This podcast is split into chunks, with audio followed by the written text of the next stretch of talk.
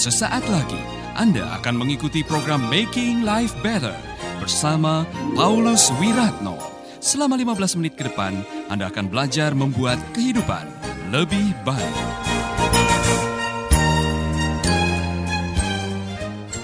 Mari kita akan kembali kepada 2 Korintus pasal yang keempat, saudara.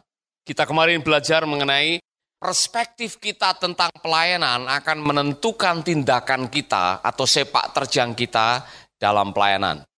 Apa yang Anda pahami mengenai pelayanan? Kalau pelayanan dipandang sebagai pekerjaan, maka fokus kita adalah gaji bulanan, ya kan? Kalau Anda melihat pelayanan sebagai sebuah pekerjaan, maka semangat atau tidaknya tergantung dari tunjangan dan bonus yang diberikan oleh perusahaan.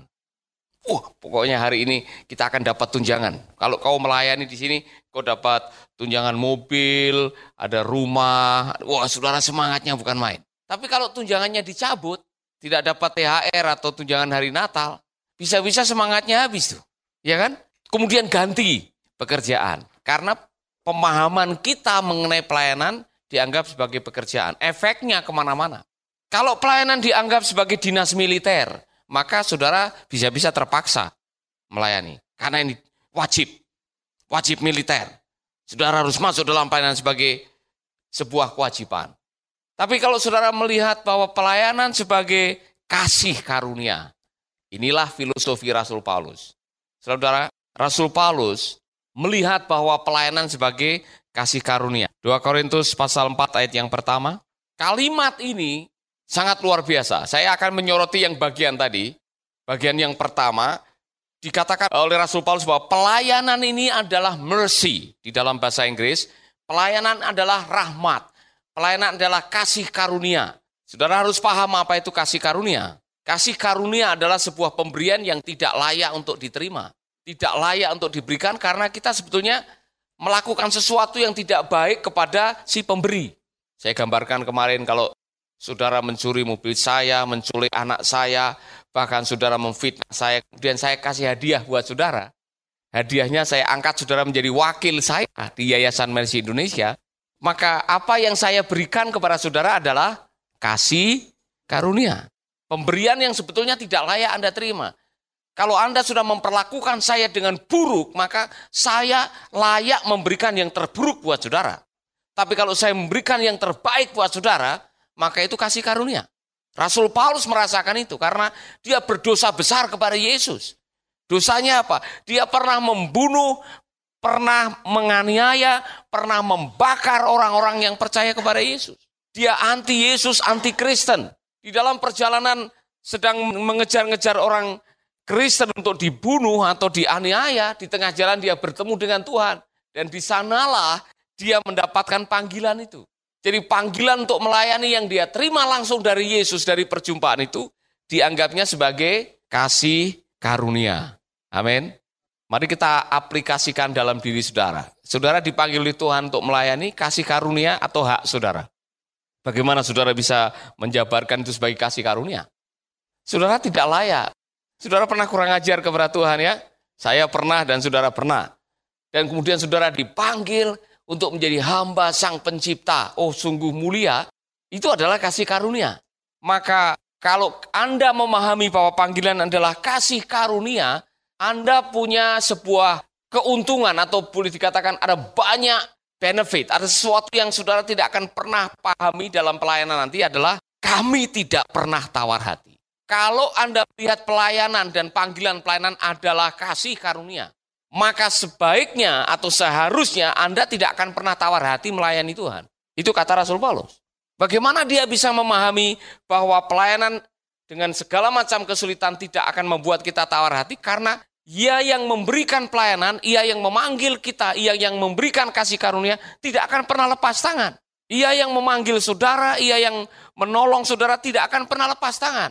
Mari kita akan melihat beberapa hal catatan Rasul Paulus Saudara-saudara catatan seorang pemenang saya anggap. Dan dia tidak pernah tawar hati. Di dalam bahasa Inggris sebetulnya dia tidak akan pernah pucat pasi. Saudara yang pernah pucat oleh karena apa? Orang pucat karena apa? Takut, lose heart, atau kehilangan hati. Dalam terjemahan yang lain sebetulnya dikatakan lose heart itu artinya bisa dua. Anda ketakutan, tidak punya courage, kemudian akhirnya Anda melakukan hal-hal yang salah gara-gara ketakutan. Saudara-saudara, Rasul Paulus memahami bahwa panggilannya adalah sesuatu yang luar biasa. Itulah sebabnya dia tidak pernah tawar hati. Perhatikan catatan sejarah kesulitan yang pernah dia hadapi. Apa saja yang pernah dihadapi dalam melayani Tuhan, saudara-saudara. Dan saudara menemukan Rasul Paulus tidak akan pernah tawar hati. Di bagian bawah, saudara menemukan berapa kali dia ditindas? Ayat yang ke-8. Ini, ini salah satu catatan bagaimana dia memperlakukan kesulitan sebagai seorang rasul. Pertanyaan saya, nanti tanya kepada Rasul Paulus, apa yang membuat mereka walaupun ditindas, meskipun difitnah, meskipun dianiaya, meskipun diperlakukan tidak baik, tapi mereka atau Rasul Paulus tetap berjalan, tetap melayani. Ini pernyataan yang sangat luar biasa, saudara-saudara. Pernyataan seorang rasul yang luar biasa. Ternyata rahasianya ada di ayat yang ketujuh. Tetapi harta ini kami punyai dalam bejana tanah liat. Supaya nyata bahwa kekuatan yang melimpah-limpah itu berasal dari Allah, bukan dari diri kami. Rasul Paulus punya kekuatan yang melimpah-limpah. Dia punya inner strength, ada kekuatan batinia. Nanti dia mengatakan, meskipun manusia jasmaniah kami makin merosot, tapi manusia batiniah kami dibaharui dari hari ke sehari. Dari mana pembaharuan itu datang? Dari mana kekuatan itu datang? Pemahaman akan kasih karunia. Anda masih bersama Paulus Wiratno di Making Life Better.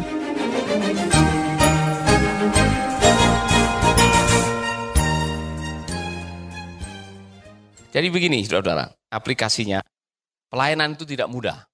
Melayani Tuhan itu tidak gampang. Waktu Anda membuat keputusan untuk melayani Tuhan, Anda sedang memposisikan diri langsung berlawanan dengan kekuatan kegelapan.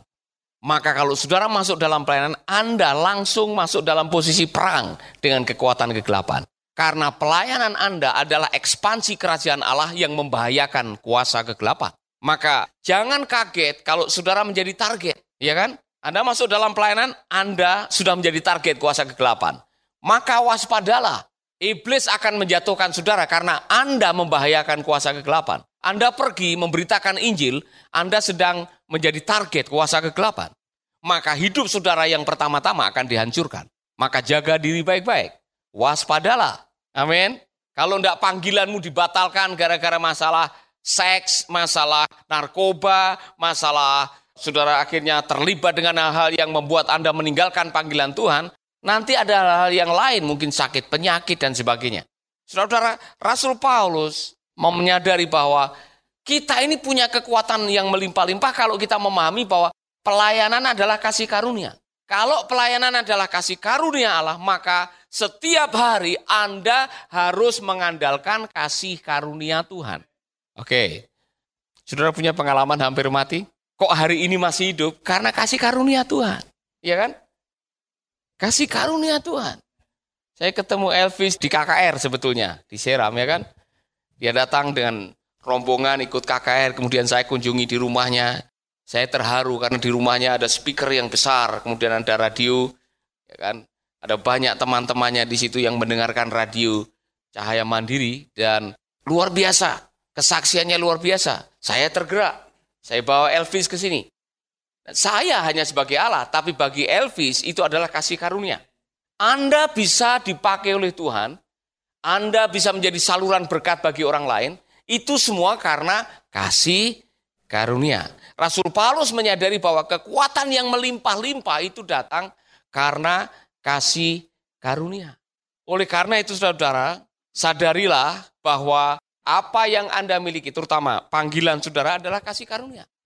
Konsekuensi daripada ini adalah ketika Anda mengalami kesulitan, jangan mengandalkan yang lain-lain. Andalkanlah kasih karunia. Karena dia menyadari pelayanan adalah kasih karunia. Nanti saudara akan ketemu dengan berbagai macam kesulitan dalam pelayanan. Jangan tawar hati. Apa tanda orang tawar hati? Mundur, berhenti dari pelayanan. Ada waktu-waktu di mana saudara diizinkan menghadapi kesulitan dalam pelayanan, Ingat baik-baik, saat engkau sedang menghadapi kesulitan dalam pelayanan, jawabannya adalah kasih karunia. Amin. Yang masuk dalam pelayanan, pernah mau mundur? Pernah? Apa yang membuat akhirnya kok masih bertahan, kok tidak mundur? Mengingat kasih karunia. Amin. Sebab kami yang masih hidup ini terus-menerus diserahkan kepada maut. Karena Yesus. Saya suka bagian ini. Supaya juga hidup Yesus menjadi nyata di dalam tubuh kami yang fana ini. Saudara-saudara, Rasul Paulus menyadari bahwa mengikut Yesus, melayani Yesus, Anda akan berhadapan dengan maut, Anda akan berhadapan dengan kesulitan. Maka cara terbaik untuk Anda tidak mundur dan tidak berhenti waktu melayani Yesus ialah bawalah kematian Kristus dalam pelayanan saudara. Membawa kematian Kristus sehingga artinya Anda mau mati bersama dengan Kristus itu maksudnya. Kalau Anda sudah membuat keputusan saya mau mati bersama dengan Yesus, oh saudara-saudara luar biasa hidup kita akan luar biasa. Dulu ada nyanyian waktu saya baru bertobat, mengikut Yesus keputusanku. Mengikut Yesus keputusanku. Itu sudah jarang dinyanyikan sekarang. Tetap ku ikut walau sendiri. Ada kalimat seperti itu. Ya kan? Apa yang ingin saya katakan kepada saudara-saudara? Sekali mengikut Yesus, tetap mengikut Yesus. Jangan pernah mundur. Amin. Dan terus berserah kepada Tuhan. Nah, aplikasinya buat kita ialah kita harus membawa kematian Kristus di dalam pelayanan kalau kita tahu bahwa Kristus sudah mati buat kita. Amin.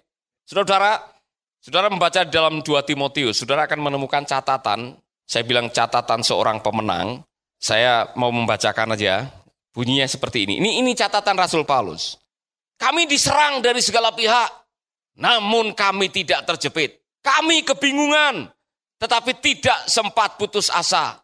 Banyak yang memusuhi kami, tetapi tidak pernah kami tinggal seorang diri. Dan meskipun sering kali kami dipukul sampai jatuh, namun kami tidak mati. Luar biasa pengakuan seorang Rasul Paulus. Dia menulis lagi di dalam surat yang lain. Pelayan-pelayan Kristuskah mereka? Tetapi saya memang pelayan yang lebih baik dari mereka semuanya. Saya bekerja lebih keras. Saya lebih sering dimasukkan ke dalam penjara. Saya lebih banyak disiksa dan sering hampir mati. Sudah lima kali saya disiksa oleh orang Yahudi dengan pukulan cambuk 39 kali. Tiga kali saya dicambuk oleh orang-orang Roma. Pernah pula saya dilempari dengan batu. Tiga kali saya mengalami karam kapal di laut. Dan sekali saya terapung-apung di laut selama 24 jam. Banyak kali saya mengadakan perjalanan yang berbahaya, diancam bahaya banjir, bahaya perampok, bahaya dari pihak Yahudi maupun dari pihak bukan Yahudi, bahaya dalam kota, bahaya di luar kota, bahaya di laut, dan bahaya dari orang-orang yang mengemukakan diri sebagai saudara Kristen. Padahal bukan. Aku tahu apa itu kekurangan, dan aku tahu apa itu kelimpahan dalam segala hal dan dalam segala perkara tidak ada sesuatu yang merupakan rahasia bagiku. Baik dalam hal kenyang maupun dalam hal kelaparan, baik dalam hal kelimpahan maupun dalam hal kekurangan, segala perkara dapat kutanggung di dalam Dia yang memberikan kekuatan kepadaku.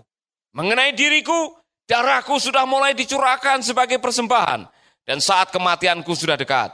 Aku telah mengakhiri pertandingan yang baik. Aku telah mencapai garis akhir dan aku telah memelihara iman.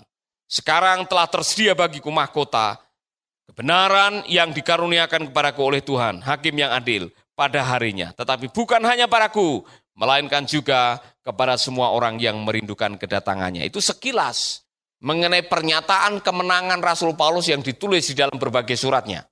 Dan itu mencerminkan apa yang tadi kita dengar bahwa ketika kita memahami pelayanan sebagai kasih karunia, maka seharusnya kita tidak mudah tawar hati. Karena di dalam kita ada kekuatan ekstra, kekuatan yang melimpah-limpah yang diberikan kepada kita. Saudara-saudara. Rasul Paulus menyatakan seperti itu. Amin.